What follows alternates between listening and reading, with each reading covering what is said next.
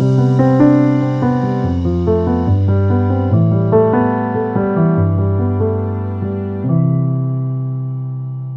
dobry, zapraszam na kolejny odcinek mojego podcastu Równowaga. Dzisiaj moim gościem będzie Dorota Soszyńska, dyrektor kreatywna i współwłaścicielka firmy Oceanik, jednej z największych polskich firm kosmetycznych, specjalizującej się w produktach dla osób o skórze wrażliwej i alergicznej. Od wielu lat z wielką pasją rozwija swoją firmę, firma Oceanik. W tym roku będzie miała 40 urodziny, a teraz ja powiem coś od siebie. Jak kiedyś e, pierwszy raz zobaczyłam panią Dorotę, to pomyślałam sobie, Boże, niesamowite zjawisko. Podeszła do mnie, pamiętam po premierze mojego filmu, filmu, pogratulować mi roli, była niezwykle otwarta, energetyzująca, była po prostu takim wulkanem energii, radości, nie budowała żadnej bariery i po, popatrzyłam na nią i pomyślałam sobie, Boże, niesamowite, dama, cudowna dama. Bardzo jest mi miło, Pani Doroto, że przyjęła Pani zaproszenie do mojego podcastu. Dzień dobry Państwu, to mi jest niezmiernie miło, że mogę dzisiaj tu z Państwem być e, i odpowiadać na Wasze pytania. Tak.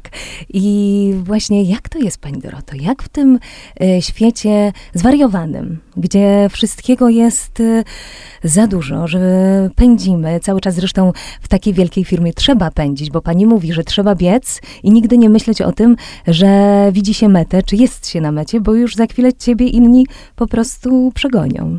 Jak w tym świecie takim pełnym presji znaleźć tą równowagę? Nie ukrywam, że tej równowagi uczyłam się bardzo długo. Zabrało mi to prawie 40 lat, więc naprawdę bardzo długo. Jeszcze wiele lat temu zawsze najważniejsza była firma. E, I nawet kiedy byłam bardzo chora i miałam coś ważnego e, w firmie, to zawsze wybierałam firmę, a nie swoje zdrowie. Dzisiaj już jestem bardziej rozważna. Najważniejsze jest moje zdrowie, moje samopoczucie. Natomiast wydaje mi się, że tak naprawdę nie jest to problemem, jeżeli robi się w życiu to, co się naprawdę kocha i co się naprawdę lubi. A nasza firma mm, to jest nasza absolutna pasja, zresztą moja i mojego męża. I nawet kiedy jesteśmy z daleka od niej, to właściwie cały czas o niej rozmawiamy, cały czas nią żyjemy, jesteśmy non-stop w kontakcie z naszymi współpracownikami. Nie ma dnia właściwie w naszym życiu, żebyśmy się z kimkolwiek z firmy nie komunikowali czy nie kontaktowali. W związku z tym to jest wielka przyjemność. Myślę, że to jest taka recepta na wielką pasję, jeżeli w życiu robi się to, co się naprawdę kocha i co się naprawdę lubi. Rozumiem, czyli po prostu ta odwaga w spełnianiu marzeń, tak naprawdę. Bo ja chciałabym się tutaj cofnąć do początku.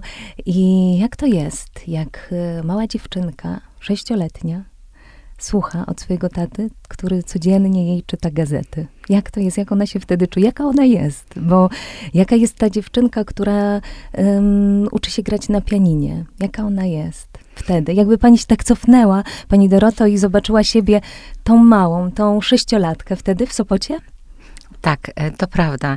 E, wyrosłam naprawdę we wspaniałym domu. Moi rodzice obydwoje byli związani ze służbą zdrowia. Mój tata jest lekarzem, e, pracował jako lekarz, wykonywał swój zawód ponad 50 lat. Moja mama jest psychologiem klinicznym i jestem jedynaczką. W związku z tym cała uwaga moich rodziców była właśnie skupiona na mojej osobie i rodzice przywiązywali ogromną wagę do mojej edukacji. Byłam córką, oczywiście tatusia, jak to zwykle tak. bywa, że dziewczynki zawsze bardziej kochają swoich y, ojców y, od matek i są z nimi bardzo związane. Tak też było ze mną. Mój tata y, codziennie czytał mi gazety. Nawet jak byłam małą dziewczynką, nawet zaczął wcześniej, jak miałam 5-6 lat, no jak już byłam w pierwszej klasie, to zawsze imponowałam wiedzą niebywałą wszystkim swoim rówieśnikom, a także nauczycielom, bo po prostu wiedziałam, co się dzieje na świecie. E, sama czytałam potem, no ale najpierw czytał mi codziennie rano przy śniadaniu, tata robił mi prasówkę. Moja mama z kolei była uzdolniona muzycznie, w związku z tym jej marzeniem było, żebym grała na jakimś instrumencie i faktycznie w wieku 6 lat znalazłam się w szkole muzycznej w klasie fortepianu. I potem także moją wielką pasją przez kolejnych wiele lat, ponieważ chodziłam zarówno do szkoły podstawowej, szkoły średniej i szkoły wyższej, e, stała się muzyka. Studiowałam na dwóch wydziałach, na Wydziale Wychowania Muzycznego i na fortepianie. No właśnie, ja jestem e, skrzypaczką, skończyłam liceum muzyczne, ale wiem, żeby grać na fortepianie, żeby być w klasie fortepianu i żeby ukończyć Akademię Muzyczną, e, to to jest nie lada wyczyn to dostają się tylko i wyłącznie najlepsi. I wiem, jakie to są ciężkie godziny e, pracy nad danymi utworami. E, no właśnie, jak to jest, pani Doroto? Jak to jest, że pani to zostawiła? Zostawiła dla swojej firmy. Muszę powiedzieć, że to nie było łatwe. Natomiast uważam, że właśnie to moje wykształcenie muzyczne było niezwykle przydatne w moim późniejszym życiu, ponieważ y, tego typu studia uczą przede wszystkim z bardzo dużej systematyczności, ciężkiej pracy, konsekwencji, organizacji czasu. I to są takie cechy, które bardzo się przydają właśnie w późniejszym życiu, szczególnie kiedy prowadzimy własną firmę. I takiej pewnej determinacji yy, i też siły. Naprawdę trzeba być niezwykle konsekwentnym, bo to są faktycznie ćwiczenia każdego dnia. Tak. Trzeba sobie umieć od małego dziecka zaplanować dzień, żeby znaleźć te godziny na, na te ćwiczenia. A jednocześnie gdzieś uczą pewnej wrażliwości, bo przecież, żeby dobrze interpretować muzykę, nie wiem, e, czy sonatę Chopina, czy, czy fantastycznie interpretować fugę Bacha, no trzeba mieć pewną wrażliwość, e, trzeba mieć też umysł analityczny, ponieważ każda nuta, każda pauza znaczy co innego. W związku z tym uczy to też pewnego rodzaju precyzji. Ta precyzja też jest potem w życiu bardzo przydatna e, i nie ukrywam, że to wykształcenie miało ogromny wpływ na moje późniejsze życie i w pewnym sensie mnie ukształtowało. No właśnie, bo ja pamiętam, że e, w muzyce jest tak, że uczymy się taktami. E, najpierw jeden takt, później dokładamy drugi takt, trzeci, czwarty i wracamy do początku. I pierwszy takt, drugi, trzeci, czwarty, piąty, szósty i wracamy do początku. To jest wytrwałość, prawda? To jest cierpliwość to są te cechy, które, które później się przydają właśnie w prowadzeniu firmy. I jednocześnie na pewno tak, albo uczymy się całymi frazami. Ja myślę, że już wytrawny, y, prawda, muzyk już na wyższym poziomie to uczy się właściwie całymi frazami i ma taką zdolność zapamiętywania tych fraz, ponieważ to jest jednak cały czas ćwiczenie organizmu. Zapamiętują dłonie, palce zapamiętuje mózg, więc y, jest to łatwiejsze. Natomiast y, na pewno jest potrzebna wytrwałość, konsekwencja i tak jak mówię, na pewno to mnie bardzo ukształtowało. A pamięta pani, pani Doroto, swój pierwszy koncert? Oczywiście, że pamiętam, bo myślę, że takich rzeczy się nie zapomina. E, I to był koncert na koniec mojej szkoły średniej. Potem oczywiście e, każdy egzamin właściwie w Akademii Muzycznej na poszczególny semestr to był występ, prawda, e, przed publicznością. No do tego żeśmy byli przygotowywani latami e, i to też się przełożyło. W związku z tym może ta moja otwartość, ta łatwość właśnie mówienia, to, że nie krępuje mnie występowanie, to też na pewno miało wpływ moje wykształcenie i moje, moja edukacja. A ten pierwszy koncert czy był też stresem? Och, zawsze ogromnym, ogromnym stresem.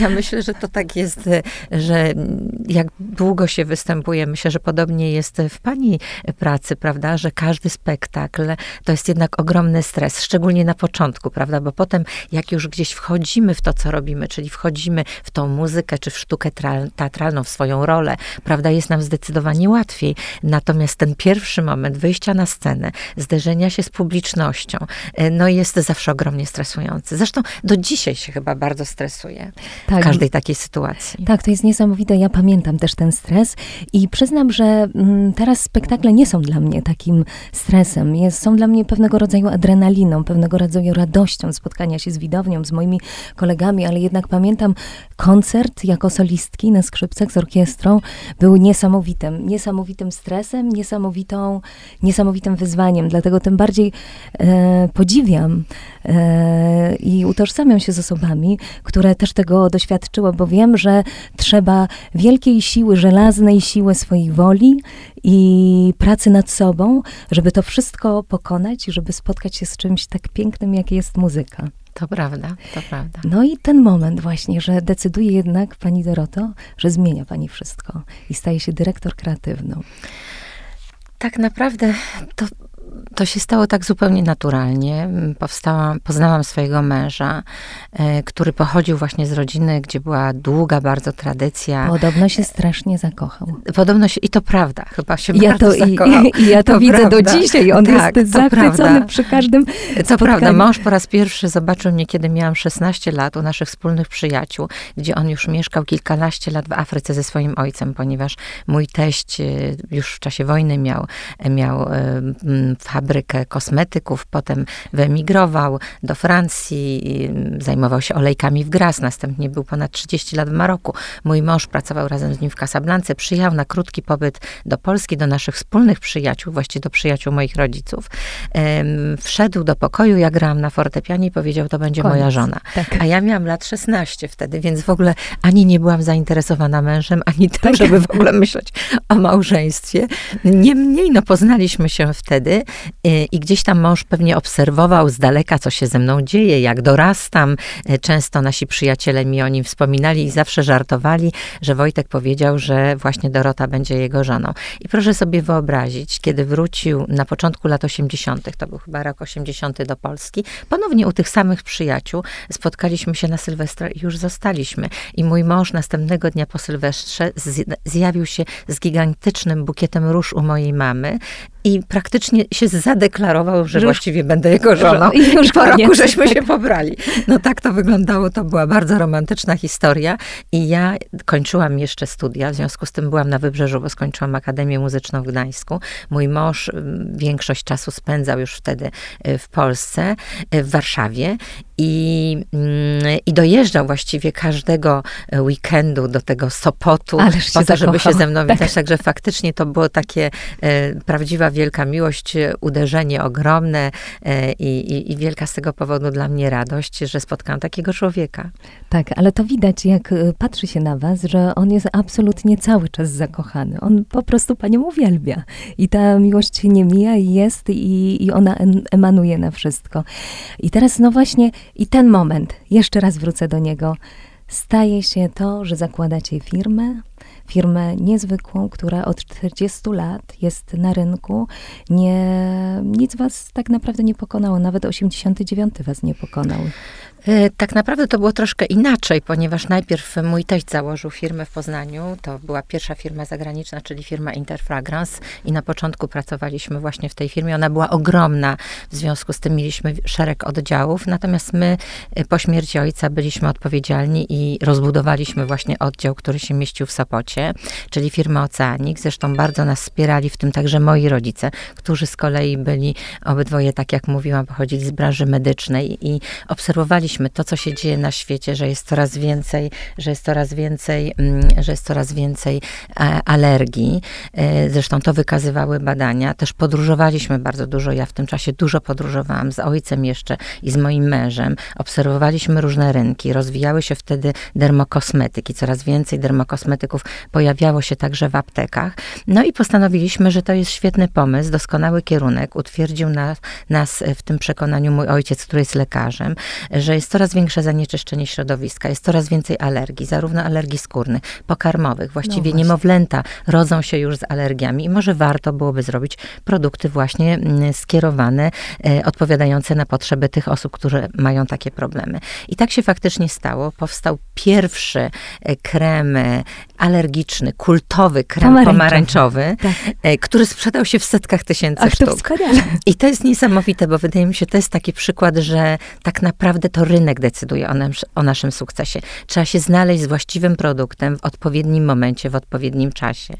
E, I faktycznie ten krem sprzedał się błyskawicznie, w związku z tym, no mówi, idziemy za ciosem, w takim razie robimy linię. Ta pierwsza linia do pielęgnacji twarzy została nagradzona na targach, e, międzynarodowych targach poznańskich. Potem powstały kolejne potem produkty do ciała, potem stworzyliśmy jako pierwsi płyn do higieny intymnej. No. I dzisiaj w naszym portfolio jest e, ponad 500 produktów tylko skierowanych właśnie do osób ze skórą wrażliwą i alergiczną, które są skierowane do kobiet, do mężczyzn, do dzieci, do niemowląt nawet od pierwszego roku życia. No właśnie, chciałam się tutaj zatrzymać na tej właśnie wrażliwości, bo oprócz tego, że tworzycie świetne kosmetyki, yy, wzbudzacie zaufanie swoich konsumentów, jesteście na 45 innych rynkach, to jest po prostu gigant, czyli to, ta pasja, ta miłość do tworzenia, no prowadzi was do wielkiego sukcesu. A teraz chciałam zatrzymać się na tej właśnie wrażliwości, bo oprócz tych yy, produktów też yy, nie boicie się, mm, nie boi się pani podejmować tematów trudnych, trudnych, tematów niewygodnych, tematów troszeczkę wstydliwych. Y, porozmawiamy tutaj o tej wrażliwości. Czy właśnie kobieta, co to znaczy, że kobieta jest wrażliwa? Czy wrażliwość może być też siłą, tak jak wy komunikujecie? Zdecydowanie wrażliwość może być siłą. Myślę, że podstawą przede wszystkim jest dobry produkt. I co do tego jestem absolutnie przekonana, ponieważ nasze produkty y, powstają w naszych własnych laboratoriach, które są jednymi z najnowocześniejszych w Europie Środkowej. Mamy niezwykle nowoczesną fabrykę fabrykę. To jest ogromnie ważne. E, w trąbkach małych pod Gdańskiem. E, do tego wszystkiego, wszystkie surowce, które używamy, one są certyfikowane pod względem właśnie wrażliwości, alergiczności oraz wyroby gotowe, które także przechodzą bardzo szczegółowe badania w Gdańskim Uniwersytecie Medycznym na osobach, na skórze, e, właśnie na osobach, na osobach ze skórą wrażliwą i alergiczną. Nasza fabryka posiada wszystkie najbardziej liczące się na świecie certyfikaty certyfikaty i to jest certyfikat GMP, ISO czy certyfikat IFC. W związku z tym to nam pozwala eksportować te produkty, tak. ponieważ te certyfikaty gwarantują jakość tych produktów. Te produkty są przede wszystkim bezpieczne, i niezwykle skuteczne i oczywiście hypoalergiczne, przebadane. W związku z tym to nam otwiera wiele drzwi, ponieważ mamy ogromne portfolio, odpowiadamy właściwie na wszystkie problemy, wszystkie potrzeby osób, które mają skórę wrażliwą i alergiczną.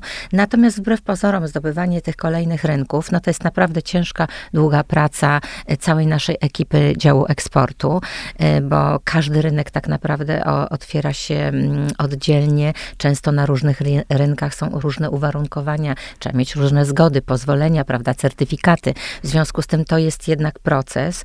Natomiast myślę, że absolutnie przyszłością każdej dużej firmy, która myśli o przyszłości, jest absolutnie uzależnienie się od rynku polskiego, bo tylko to daje nam gwarancję stabilności i rozwoju. Rozumiem. I jak to jest też właśnie z tą higieną intymną? Chciałam o tym zapytać. I jeszcze przepraszam, tak. bo się odniosę nie do końca chyba, jeszcze odpowiedziałam na to pytanie, Dobrze. z tą siłą i z tymi kobietami. Tak. I myślę, że warto o tym wspomnieć, ponieważ w tym roku obchodziliśmy 40-lecie i zaprosiliśmy do naszej kampanii pięć wspaniałych różnych kobiet. E, naprawdę niezwykłych zupełnie, bo była to Ewa Wachowicz, e, która jest e, znaną dziennikarką, była to Irena Wielocha, która z kolei kolei propaguje zdrowy styl życia. Były to blogerki, była to młoda influencerka, była jedna modelka. W związku z tym niezwykle Wszystkie kobiety. różnorodne kobiety. I to było niezwykle ciekawe, ponieważ mm, w tej kampanii one opowiadały o swojej wrażliwości. I dla każdej z nich ta wrażliwość znaczyła zupełnie coś innego.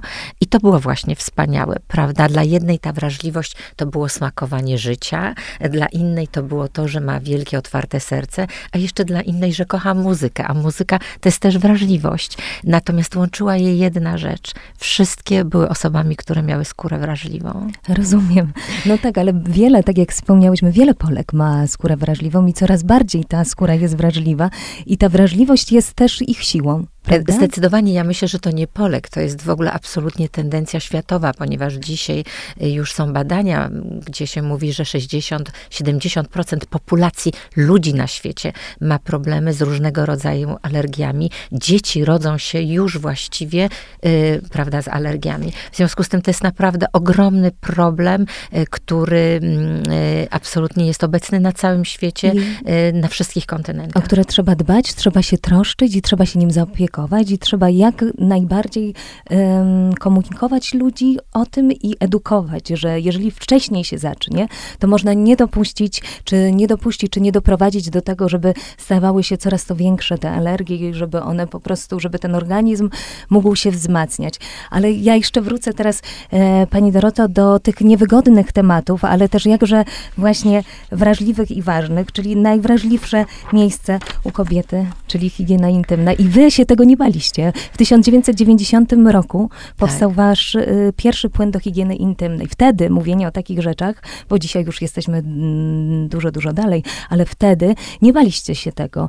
I, i jeszcze pójdziemy dalej, bo w rozmowach ja byłam naprawdę zaskoczona, kiedy zobaczyłam Agę Szuścik, czyli edukatorkę seksualną, która w tak niezwykły, odważny sposób mówi o tej, um, o tej wrażliwości intymnej, mówi o tych sprawach, których czasami się odwracamy i nie chcemy o nich mówić, a ona tak świetnie, tak po prostu prosto do kobiet potrafi to wszystko zakomunikować. Byłam zachwycona tym, ponieważ ona um, zrobiła coś takiego, przynajmniej mnie, że po prostu absolutnie e, zburzyła tabu i mogłam, mogłam po prostu poczuć się normalną kobietą. To prawda. Ja myślę, że tutaj jest ogromny wkład mojego ojca, który, jak wspominałam, e, e, jest lekarzem i, i który, mm, który mm, był ginekologiem, w związku z tym ze specjalnością ginekologa, w związku z tym no właśnie, on się czyli, bardzo przyłożył Czyli ci rodzice też ci są rodzice niesamowici. Też, ci tak. rodzice też mieli wpływ na pewno właśnie na rozwój naszego biznesu i, i dla niego to było oczywiste, że taki produkt może być właśnie, może być właśnie potrzebny i powinien, i powinien powstać właśnie dla kobiet. I faktycznie powstał płyn do higieny higieny intymnej dla, dla kobiet, dla dziewczynek, potem dla mężczyzn. Natomiast dzisiaj wróciliśmy jakby z bardzo ciekawą kampanią, prawda, która była pod hasłem Wiedza Intymna AA. Myślę, że równie właśnie bardzo ciekawa. Nagraliśmy bardzo wiele właśnie z Agą Szuścik ciekawych podcastów. Elementarz bo, tej zdrowej tak, wulwy. E, elementarz zdrowej wulwy. Natomiast wbrew pozorom, oczywiście dzisiaj jesteśmy dużo bardziej otwarci, natomiast cały czas jeszcze bardzo wiele kobiet jest nieśmiałych, jest wstydliwych. To są także młode dziewczyny, które tak naprawdę wiedzą i nie wiedzą. I tej e, edukacji wbrew pozorom, dotyczącej pielęgnacji, dotyczącej profilaktyki sfer intymnych, prawda, e, nie mają. I, I krępują się z tym rozmawiać. Nie wiedzą też, jak często odwiedzać ginekologów, jak to jest ważne. Nie mają pojęcia często o profilaktyce e, raka szyjki macicy, prawda, także. W związku z tym wydawało nam się, że ten temat jest ogromnie istotny i faktycznie, no, mm, wydaje mi się, że został doskonale przyjęty na polskim rynku. Zresztą najlepszy dowód, że w ślad za nami Wysokie Obcasy zrobiło okładkę właśnie e, z tym tema- na bazie tego tematu i potem ogromny artykuł właśnie edukacyjny. E, I, mm, I bardzo nam się to po prostu udało i uważamy, że to było niezmiernie potrzebne. Na dodatek także zaczęliśmy współpracę z Fundacją Różowej Skrzyneczki. No właśnie, o tym chciałam I to, to jest też wspaniałe. Wydaje mi się, że kapitalna inicjatywa, mianowicie w każdej łazience, w szkołach, prawda, w, w liceach, w uni, na uniwersytetach, na, e, w biurach e, mieści się różowa skrzyneczka, w której znajdują się artykuły higieniczne, menstruacyjne, niezmiernie ważne dla kobiet. I podjęliśmy taki patronat na cały rok, szczególnie w województwie pomorskim. Objęliśmy właśnie e, swoim patronatem te skrzyneczki. Wydaje mi się, że to jest bardzo ciekawe i bardzo potrzebne. To jest bardzo ciekawe, chciałam właśnie o tym powiedzieć i też nie wiedziałam o tym, że tyle dziewczynek, tyle młodych dziewczynek bardzo często rezygnuje z lekcji, bo nie wiedzą, co się z nimi dzieje, nie wiedzą, co mogą zrobić, nie wiedzą, jak mogą sobie pomóc, a wtedy taka właśnie różowa skrzyneczka w szkole może być naprawdę wielką pomocą, bo sytuacja stydliwa, czy jeżeli im się coś takiego z nienacka przydarzy, to jest na pewno wielkim takim stresem dla takiej młodej dziewczynki i, i ta różowa skrzyneczka jest czymś wspaniałym, wspaniałym, ratującym. A powiem dalej, że mimo tego, że ja mam moją córkę, która w wieku, w 10, ma teraz 10 lat, ale już cały czas się przygotowujemy do takich zmian e, w dojrzewaniu, ona nie lubi o tym ze mną rozmawiać. Ona się wstydzi. Ja ją przygotowuję do tego, ona wcale tego nie chce. Więc cała, jeżeli czasami może, może się taka dziewczynka dowiedzieć czegoś od, e, od was, z waszego elementarza, z, waszego, z waszej wiedzy, to ja myślę, że to jest wspaniałe. Mimo tego, że ja przykładam do tego wielką wagę, że ja chcę, ona, ona się wstydzi. Tak, ale ja myślę, że to, to nie tylko jest problem małych dziewczynek, prawda, które dorastają, ale to jest też problem dorosłych kobiet, bo proszę zobaczyć, e, ile mamy w Polsce cały czas przypadków raka szyjki macicy, prawda? Czyli kobiety nie chodzą regularnie e, na badania, nie odwiedzają gabinetów ginekologicznych, prawda? I, I to jest naprawdę ogromny problem, więc musimy stale nad tym pracować, mówić o tym głośno. Ja bardzo serdecznie wszystkich wszystkie panie, wszystkie kobiety, dziewczęta zapraszam, żeby bezpłatnie pobierały właśnie ten nasz e-book, elementarz zdrowej wulwy, y, dlatego że tam mają zebrane wszystkie dla nich istotne informacje. Ale jeżeli się wcześniej zaradzi? To można uniknąć e, problemów wielkich i nawet czasami tragedii. Oczywiście, a przede wszystkim uczymy się też pielęgnacji, uczymy się też o tym rozmawiać. To jest bardzo ważne. Nie ma tematów tabu. Dzisiaj tak naprawdę można o wszystkim rozmawiać, tylko ważne jest, w jaki sposób o tym rozmawiamy. Z czułością, troską i elegancją. Dokładnie. Tak bym powiedziała o tym, bo tak, bo tak o tym, e, bo tak to wszystko komunikujecie, ale też nie zatrzymujecie się e, na wrażliwości, na intymności. Też podejmujecie temat bardzo ważny, i myślę, że mm, taki trudny dla kobiet, menopauza. To prawda to nasza ostatnia kampania, która dotyczy menopauzy. Muszę powiedzieć, że ogromnie się cieszyłam e, na to wydarzenie, bo powstały produkty właśnie dla kobiet w okresie menopauzy, ponieważ ta skóra, wiadomo, zmienia się zdecydowanie i zachodzą też no, różne zmiany w naszym organizmie, ponieważ e, do tej kampanii zaprosiliśmy z kolei kobiety, które pracują wiele lat w naszej firmie i które szczerze podziwiam, które emanują ogromną energią i twierdzą, że właśnie ten okres menopauzy to jest dla nich najlepszy czas w ich życiu. Naprawdę? Tak, i to jest wspaniałe, naprawdę, proszę mi wierzyć. Pięknie wyglądają, są absolutnie pogodzone ze swoim wiekiem i z tym, co się z nimi dzieje i uważają, że właściwie teraz, kiedy dopiero odchowały dzieci, tak naprawdę czerpią pełnymi garściami z życia. Oczywiście dbają o siebie, w tym pomagają im właśnie nasze kosmetyki, do których są bardzo przywiązane, natomiast jednocześnie y, absolutnie komunikują, że menopauza to nie jest koniec świata e, kobiecości. E, to, to wręcz przeciwnie. Można naprawdę stać się fantastyczną, cały czas być, nie stać się, ale być cały czas fantastyczną kobietą. Można nawet na nowo sobie ułożyć życie i można być cudownie atrakcyjną do swojego partnera, bo taki też przypadek mamy. W związku z tym, w związku z tym to są kobiety, które niezmiernie podziwiam i myślę, że mogą być właśnie e, kapitalnym wzorem dla wielu kobiet, które są właśnie w tym momencie, prawda, i gdzieś tam tam sobie może z tym nie radzą, czy może siebie źle postrzegają, może są źle postrzegane przez partnera, że tutaj się nic absolutnie nie kończy. Nasza atrakcyjność zależy tylko i wyłącznie od nas. No właśnie, bo jak tak y, patrzę na panią, pani Doroto, to pani cała, cała jest y, pani firmą Oceanik. Cała, cała pani jest po prostu tymi wszystkimi e, mądrymi e, przekazami, które chce pani przekazać kobietom. Dlatego, że e, jak panią kiedyś widziałam w jakiejś sytuacji takiej e, prywatnej. Widziałam, że pani po prostu zachwyca się życiem. Pani kocha żyć, prawda? To prawda, jestem hedonistką. Uważam, I zachwyca się pani wszystkim. To prawda, to prawda. Znaczy jestem osobą niezwykle pozytywną i zawsze szukam aspektów pozytywnych, a nie negatywnych. I myślę, że to bardzo, bardzo mi pomaga. No tak zostałam skonstruowana. Myślę, na pewno na to wpłynęła moja edukacja, wpłynął na to mój dom e, i, i tak też staram się w ogóle podchodzić do wszystkiego, e, co robię. Jestem też osobą na 100% zaangażowaną zawsze w cokolwiek robię, bo uważam, że szkoda marnować życia na byle jakość. W związku z tym jest to dla mnie bardzo uciążliwe i myślę, czasami bywa bardzo uciążliwe dla mojego, mm. dla mojego najbliższego otoczenia, także dla moich współpracowników. Natomiast to wszystko, co robimy, uważam, że jest y, warte naszego zachodu, bo mamy ogromny wpływ na wiele rzeczy, na, na, na właśnie na życie kobiet, na ich postrzeganie. Właściwie całe życie pracujemy dla kobiet, bo dbamy o ich urodę. A przecież nie ma nic ważniejszego niż to, żebyśmy się czuły dobrze w swojej skórze, prawda? Bo to nasze dobre samopoczucie, jeżeli my się dobrze czujemy w skórze, a przecież dobre samopoczucie to nie jest tylko to, że mamy mniej zmarszczek. Ja powiem szczerze, mm, w ogóle się tym nie przejmuję, że mam kolejną zmarszczkę, bo mi się wydaje, najważniejsze jest, to jest to, jeżeli jesteśmy pozytywnymi, szczęśliwymi ludźmi. Tak. I jeżeli to szczęście widać widać na naszej twarzy, to to, czy będziemy miały jedną zmarszczkę więcej, czy jedną zmarszczkę mniej, to naprawdę nie ma najmniejszego, tak. najmniejszego znaczenia.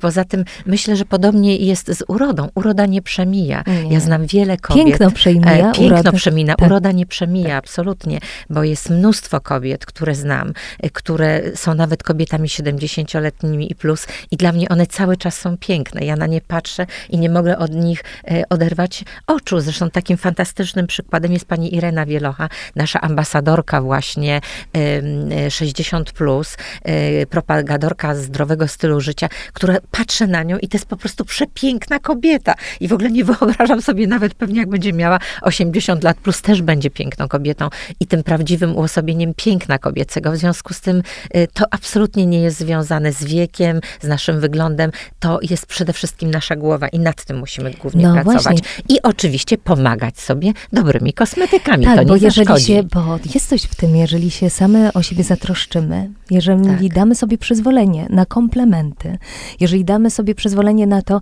że siebie ukochamy, siebie właśnie tym kosmetykiem również, ale tak. też swoją troską, dotykiem, właśnie tym, że będziemy mówiły o sobie też, e, że jesteśmy, możemy być wrażliwe, nie musimy być takie strasznie silne. Oczywiście. Możemy być, możemy też odpuścić, ale jeżeli skupimy się na sobie, to myślę, że to będzie najważniejsze dla, dla, dla nas, dla kobiet. Znaczy ja myślę, że przede wszystkim musimy pokochać siebie. To jest strasznie ważne. Od tego musimy Jak zacząć to zrobić? naukę. Tak. To nie jest łatwe, myślę, ale trzeba po prostu spróbować pokochać siebie i jednak odpuścić, dać sobie troszeczkę tego luzu, prawda? Ja pamiętam przez wiele lat taka byłam strasznie spięta y, i dzisiaj chyba już nie. Dzisiaj nabrałam bardzo dużo pokory i bardzo dużo dystansu, ale zabrało mi to dużo czasu i musiałam się tego bardzo długo uczyć, ale się tego nauczyłam i myślę, że każda kobieta jest w stanie się tego nauczyć. To jest jakaś nasza mądrość życiowa, to jest jakiś zbiór naszych doświadczeń życiowych, które potrafimy gdzieś tam w sobie przetworzyć i, i potem żyć według własnych regał, Warto reguł.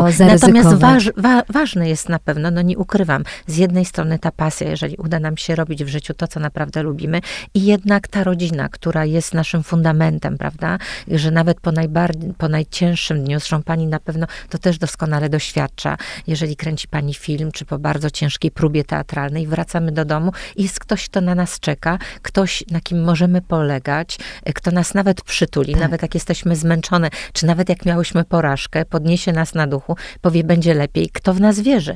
W moim wypadku to byli najpierw moi rodzice, potem to był mój mąż, który zawsze mnie mobilizował. Czasami też ludzie się często mnie pytają, jak to jest możliwe? Pracujecie razem? Z reguły to nie tak. wychodzi. Nam to wychodzi fenomenalnie. To niesamowite. To tak, ponieważ my nie jesteśmy żadną konkurencją. I nigdy nie byłam z mężem. Mąż był osobą, która, która najbardziej mnie motywowała do, do rozwoju. I to jest niesamowite. To jest do dzisiaj.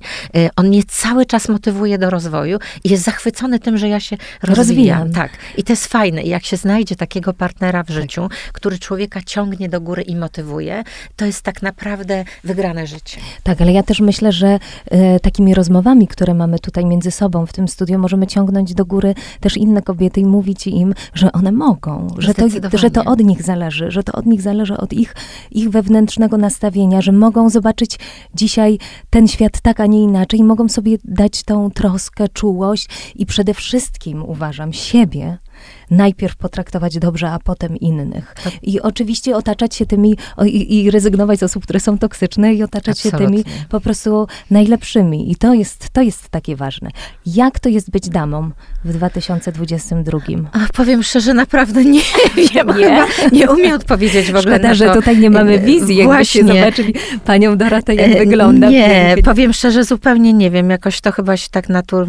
Trudno mi powiedzieć, natomiast często koleżanki mnie pytają, wiesz, wiesz, no, czy ty masz stylistę, czy ty jakoś przywiązujesz wielką wagę do tych strojów, y, czy jesteś na tym, zakręco- na tym punkcie bardzo jakoś zakręcona. Kocham kolory, to każdy wie, zawsze tak. jestem bardzo barwną osobą, Pani jestem bardzo wrażliwa na, na, y, ko- na, kolory. Pomarańcza. Y, tak, no pomarańczowy to mój ulubiony kolor, nie ukrywam. Natomiast powiem szczerze, jest to jakby takie zupełnie naturalne w ogóle w moim wypadku.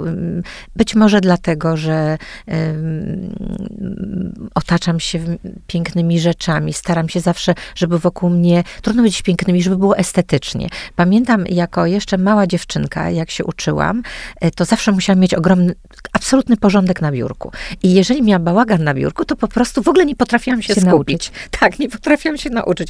I chyba do dzisiaj mi to zostało, że właśnie lubię mieć wokół siebie sobie taki ład i ten ład sprzyja w ogóle mojemu myśleniu, mojemu zapamiętywaniu i coś mi w tym zostało. I jednocześnie wydaje mi się, że właśnie ta muzyka, ta wrażliwość gdzieś mnie uwrażliwa na kolor, na formę, na światło, prawda? I gdzieś mam taką po prostu ogromną łatwość, a jednocześnie, ponieważ jestem osobą ogromnie jednak e, w sumie zajętą i zapracowaną, bo też mieszkam w dwóch krajach, no pracuję, właśnie. w związku z tym muszę być osobą bardzo dobrze zorganizowaną, więc staram się, jeżeli nawet robię jakieś zakupy, takie układać, że robię je właściwie tam dwa razy w sezonie i wiem, że mogę je mieszać, wiem co z czym, nie kupuję głupio, nie kupuję zbędnych rzeczy, po prostu już jak coś mam w szafie, to uzupełniam o kolejne, co mogę z czymś połączyć. I, i po prostu może to mi wychodzi. I chyba tyle, jeżeli chodzi o strój, a potem zachowanie, no, no myślę, że to jest pewna kultura, którą się wynosi z domu przede wszystkim. E, i potem no, świata, w którym człowiek e, przebywa, ludzi, z którymi człowiek obcuje na co dzień, prawda? To jest też pewna kultura w firmie. Ja zawsze, zawsze mówię to naszym ludziom, że, że to jest strasznie ważne, żeby, żebyśmy respektowali też tą kulturę u nas w firmie, żebyśmy ją respektowali wobec siebie, żebyśmy się do siebie właściwie odnosili.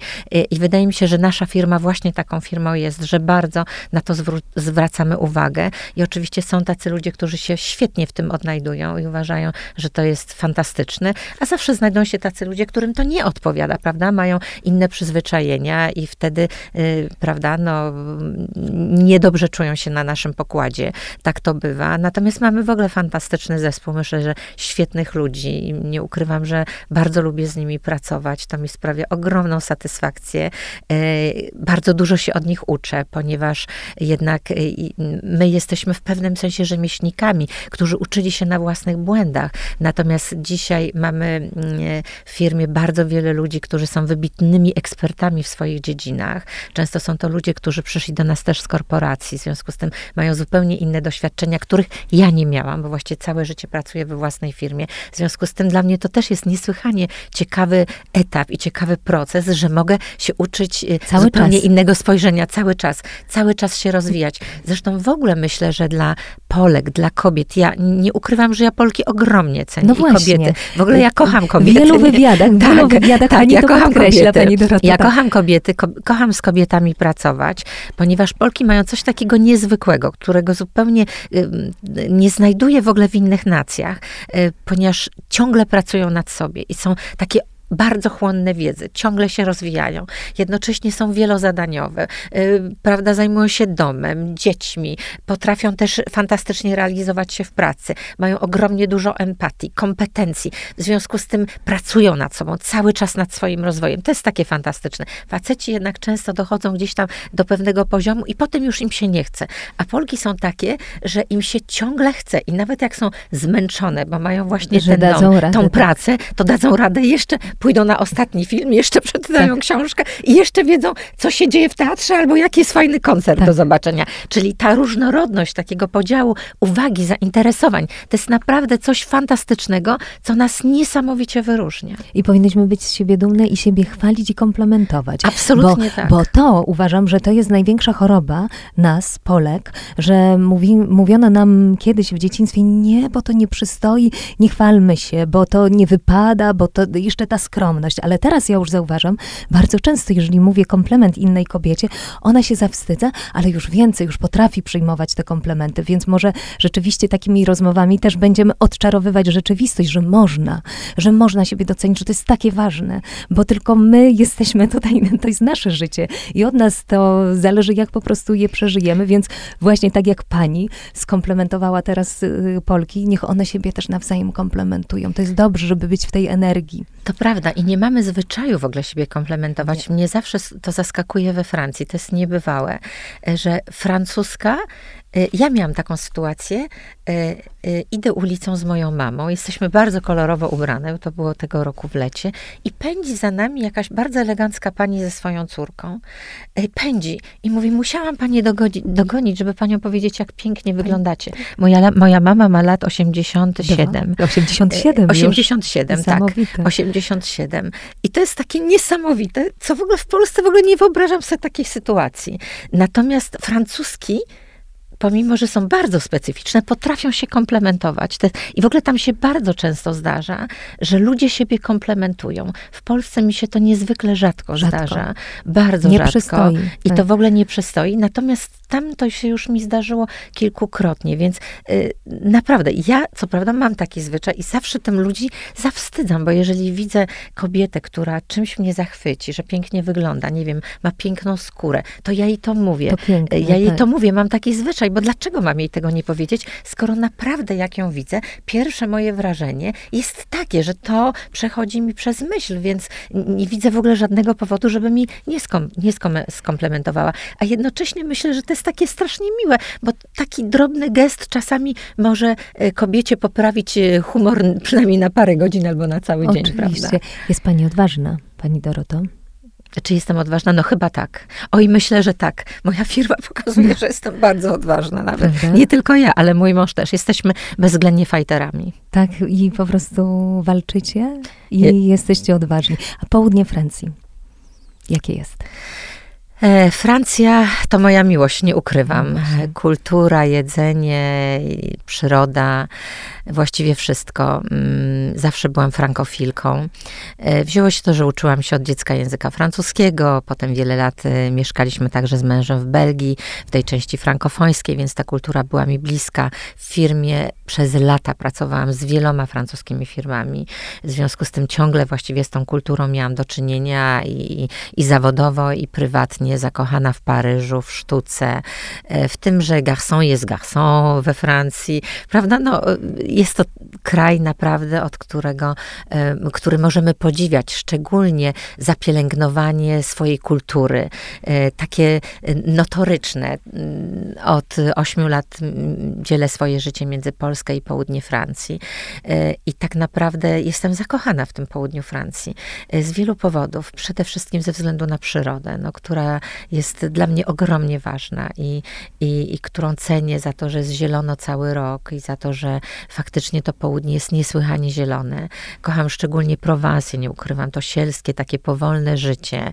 E, kocham właśnie za tą kulturę, e, kocham za pyszne jedzenie, e, ale też to południe jest takie multikulti, bo mamy tam wielu ludzi z całego świata, to jest też fajne, bo te kultury się tam bardzo Paryż taki mieszają. Nie jest. Paryż taki nie jest. Paryż jest zdecydowanie mniej przyjazny. Z jest na pewno, nosem. tak, jest na pewno dla mnie najpiękniejszym miastem świata, natomiast zdecydowanie mniej przyjaźni i nie można tego powiedzieć absolutnie o Paryżanach, pomimo, że po pandemii mi się bardzo zmieniło i wydaje mi się, że ta no pandemia da tak bardzo w kość Paryżanom i te i, i fakt, że nie było turystów, że dzisiaj y, podchodzą szczególnie do turystów z zdecydowanie z czułością i z większą pokorą.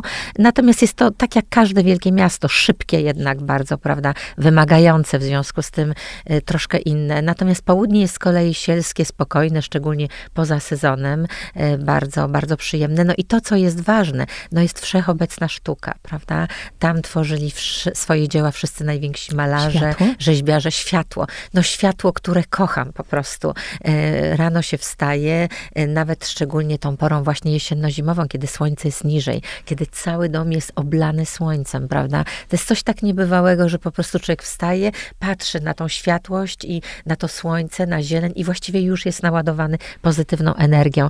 Zresztą ludzie, którzy się tam urodzili i wychowali, opowiadali mi, mam takich przyjaciół, e, że dostali jakąś fantastyczną propozycję pracy w północnej Francji, no wyjechali z południa, e, przetrwali tam tylko i wyłącznie rok, bo mówią, nie potrafiliśmy żyć, byliśmy właściwie w wiecznej depresji, a ja im zawsze powtarzam, wy nie wiecie, jakimi jesteście szczęściarzami, że mieszkacie w tak pięknym regionie, który ma tak piękną przyrodę, tak piękne ukształtowanie terenu i tak cudowny, łagodny klimat, który właściwie jest taki, jakby był specjalnie stworzony dla człowieka. To żeby zupełnie żyć. niebywałe, żeby żyć. A jak pachnie południe Francji? Najpiękniejszy zapach? Och, dla mnie pachnie ziołami przede wszystkim. W moim ogrodzie to jest tak naprawdę mieszanka lawendy z kwiatem pomarańczy. A róże? pomarańcze. Róże też, natomiast ta odmiana róż, którą najczęściej się właśnie hoduje na południu Francji, to są takie róże białe.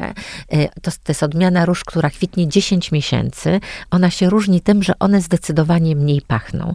One są przepiękne i one bardzo bujno kwitną, natomiast niestety nie są tak aromatyczne. E, są są inne odmiany róż, oczywiście, które hoduje się w Gras, czy w okolicach Gras, czy jeszcze dalej, prawda, na polach, które, które mają przepiękne zapachy i z których robi się kompozycje, prawda, olejki, olejki różane, z których robi się potem kompozycje zapachowe. Natomiast, natomiast dla mnie tym zapachem to jest właśnie zapach lawendy w okresie tym letnim, e, kwiatów pomarańczy, kiedy kwiat, kwitną kwiaty pomarańczy. Każdy okres ma swój zapach. Teraz na przykład zimą to, to, to jest rozmaryn, ponieważ właśnie. to jest okres, kiedy Pięknie. kwitnie właśnie rozmaryn, ma drobne fioletowe kwiatki i może te kwiatki nie pachną, ale sam rozmaryn jest niesłychanie aromatyczny Intensywny. i często mam takie przyzwyczajenie, że właśnie podchodzę, łamię sobie e, listek tego rozmarynu, czy używam go oczywiście do wielu potraw, bo nadaje tym potrawom fantastyczny aromat. Podobnie jak ta zima jest, prawda, zbiorem cytrusów, czyli to są właśnie cytryny, pomarańcze, no ta cytryna zerwana z drzewa. To jest niesamowite. To jest tak. Zapach. To jest taki, że jeden plasterek właściwie e, swoim aromatem e, rozbija cały dzbanek, prawda, litrowy do herbaty. E, w tym roku też po raz pierwszy hodowałam pomidory. Nigdy bym siebie o to nie, pod, nie podejrzewała, natomiast były tak ogromnie obfite zbiory i zupełnie nie wierzyłam, że mi się to uda i myślę sobie, ach, Spróbuj.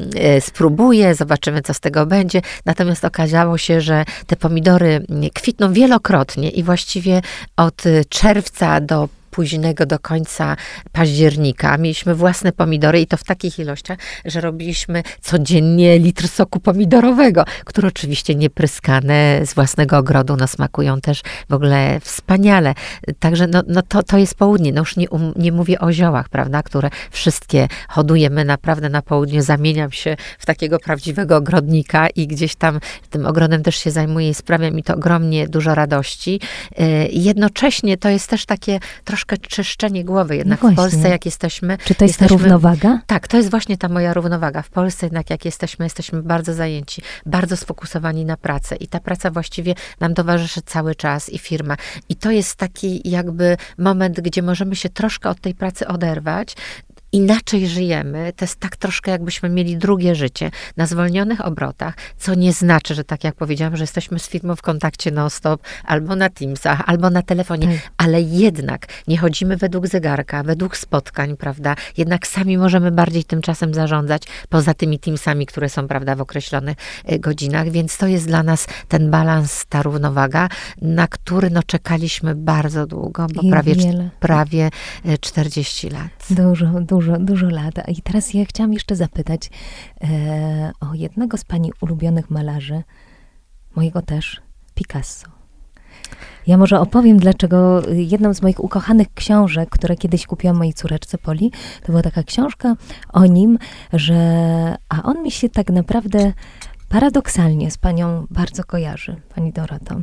Dlatego, że on był trochę łobuzem, a ja czuję, że pani jest trochę łobuzem mimo wszystko, tak? Mimo tego, że ten, ten czar, ta dama, to wszystko, to jednak ta odwaga, to jest jednak e, hard ducha, to jest ta siła. I opowiem właśnie o nim, o tej książce, że była ta książka, książeczka taka dla dzieci, niesamowita, w której było napisane, że wszyscy mówili e, jemu na początku, kiedy malował, miał ten okres niebieski, malował wszystko w niebieskich kolorach, mówili, nie, nie, nie, Picasso, nie możesz malować niebieskich obrazów to nie przystoi, tego w ogóle nie można zrobić, to nie jest tego nie można robić.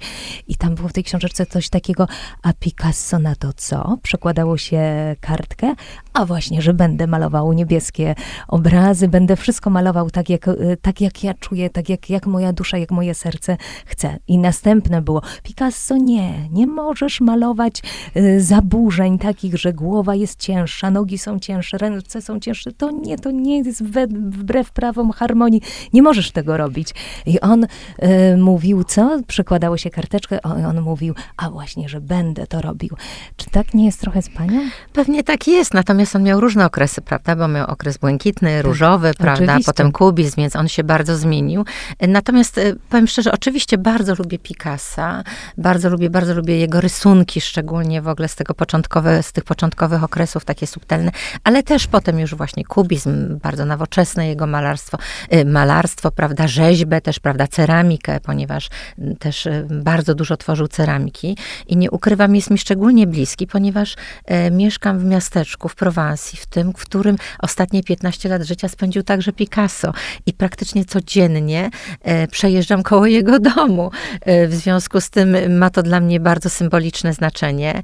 E, w miasteczku naszym jest jego ogromna głowa i właściwie tego Picasso tam się spotyka na każdym kroku, bo do dzisiaj w licznych galeriach, których jest mnóstwo w prowansalskich miasteczek, można trafić na oryginalne jego rysunki, bo Picasso był y, artystą niezwykle płodnym, płodnym, niezwykle i miał taki zwyczaj, że potrafił za obiad nawet, prawda, komuś coś zostawić na serwetce, prawda, w związku z tym y, y, są dwa duże muzea jego, prawda, I, ogromne jego zbiory. Pierwsze muzeum, które powstało w, w Cap d'Antibes i potem z kolei drugie, jest jeszcze jedno jego muzeum, właśnie głównie, które dotyczy ceramiki, Valoris.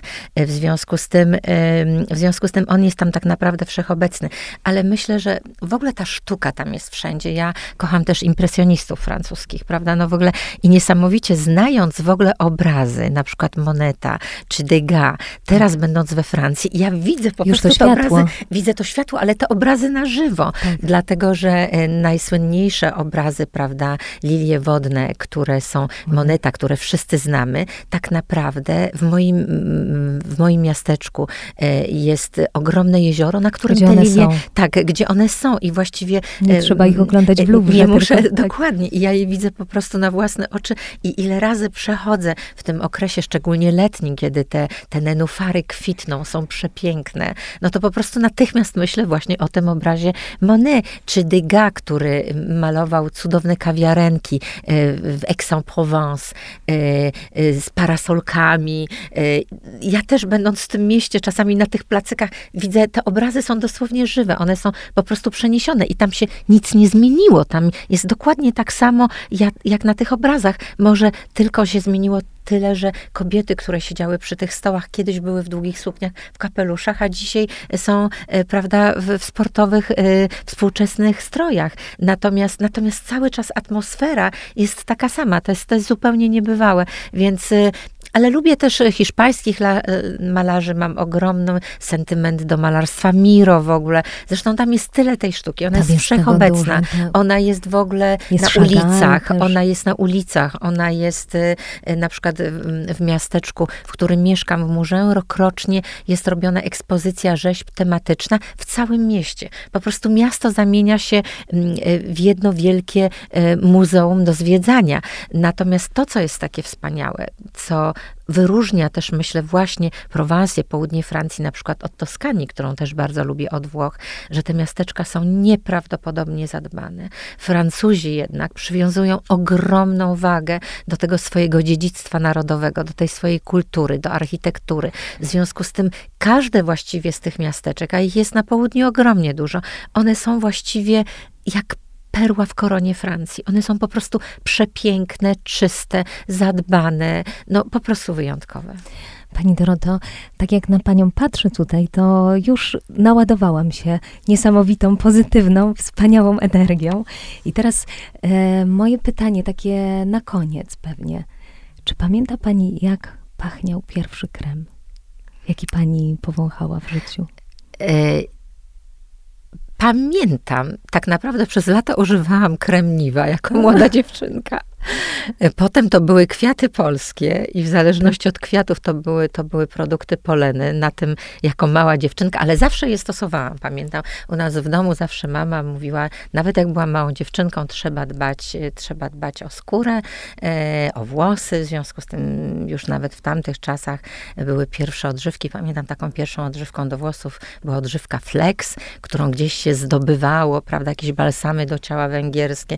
Także dokładnie pamiętam. E, potem byłam zafascynowana historią Heleny Rubinstein, tak. wspaniałą Polką z Krakowa, która zrobiła światową karierę. I życie zatacza taki okrąg, e, e, ponieważ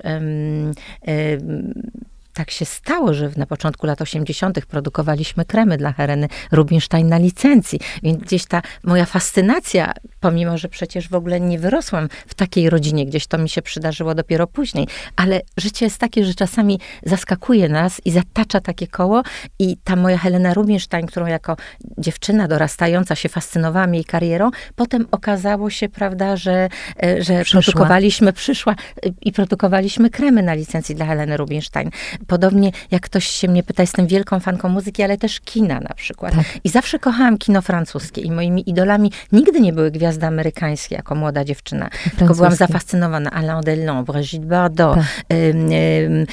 Jean-Paul Belmondo, prawda, muzyką Johnny Holiday'a później, e, prawda, Romy Schneider. Znałam te filmy, Sisi, prawda, i Bóg stworzył kobietę. Tak. To były dla mnie kultowe, kultowe filmy z mojego dzieciństwa, gdzieś ta Francja. I ta Francja do mnie przyszła. I w ogóle jestem wielką miłośniczką kina francuskiego, komedii francuskiej, e, która jest, e, ja z którą oglądałam Louis de Finessa w e, dzieciństwie. Tak, no, ale dzisiaj są tak. współczesne, wspaniałe Oczywiście, komedie, wspaniałe prawda? No, cudowne, chociażby Nietykalni, który tak. z jednej strony jest dramatem, z drugiej strony jest komedią, Oni prawda? potrafią tak lekko, Tak, tak prawda? tak lekko, prawda? Leon, Amelia. Tak. Jest mnóstwo takich cudownych filmów, prawda? Które, które, które no, dla mnie są absolutnie kultowe. Jeżeli wracam, to nie do kina amerykańskiego, ale właśnie do, do kina, kina francuskiego. francuskiego. No pewnie mogłybyśmy o wielu rzeczach jeszcze tak, rozmawiać. Tak, i może jeszcze godzinami. się spotkamy. To wtedy spotkamy się już, będziemy rozmawiać o kinie francuskim. No właśnie, ale pan... którego nie jestem ekspertem. To są tylko i wyłącznie moje ale takie, takie osobiste odczucia. Tak, ale odczucia, intuicje są najważniejsze, najprawdziwsze i najpiękniejsze. Pani Doroto, bardzo dziękuję za tą dzisiejszą rozmowę. Ja czuję, że... Mm, Pani jest taką osobą, która po prostu zachwyca się przede wszystkim światem, zachwyca się osobami, zachwyca się tym kwiatem, tą pomarańczą, tą cytryną, tymi najprostszymi rzeczami. I jak myślę o tym, że że Pani jest tu ze mną i że może tak kochać i celebrować życie, to życzę wszystkim naszym słuchaczom, żeby jutro, a może już dzisiaj, popatrzyli na tę cytrynę, na ten kwiat z czułością, miłością i powiedzieli sobie, jesteśmy szczęściarzami. I starajmy się, żeby to nasze życie było takie, żeby było piękne. A ja życzę wszystkim kobietom, żeby przede wszystkim kochały siebie i myślały także o sobie i żeby cieszyły się właśnie drobiazgami, ponieważ nie jest sztuką cieszyć się z wielkich rzeczy, ale największą sztuką jest właśnie cieszyć się z małych rzeczy. Nawet, nie wiem, z porannej kawy, jeżeli jest smaczna. Bardzo wszystkie panie pozdrawiam e, i życzę wspaniałych świąt, cudownego czasu z rodziną i wspaniałego przyszłego nowego roku. Dziękuję bardzo.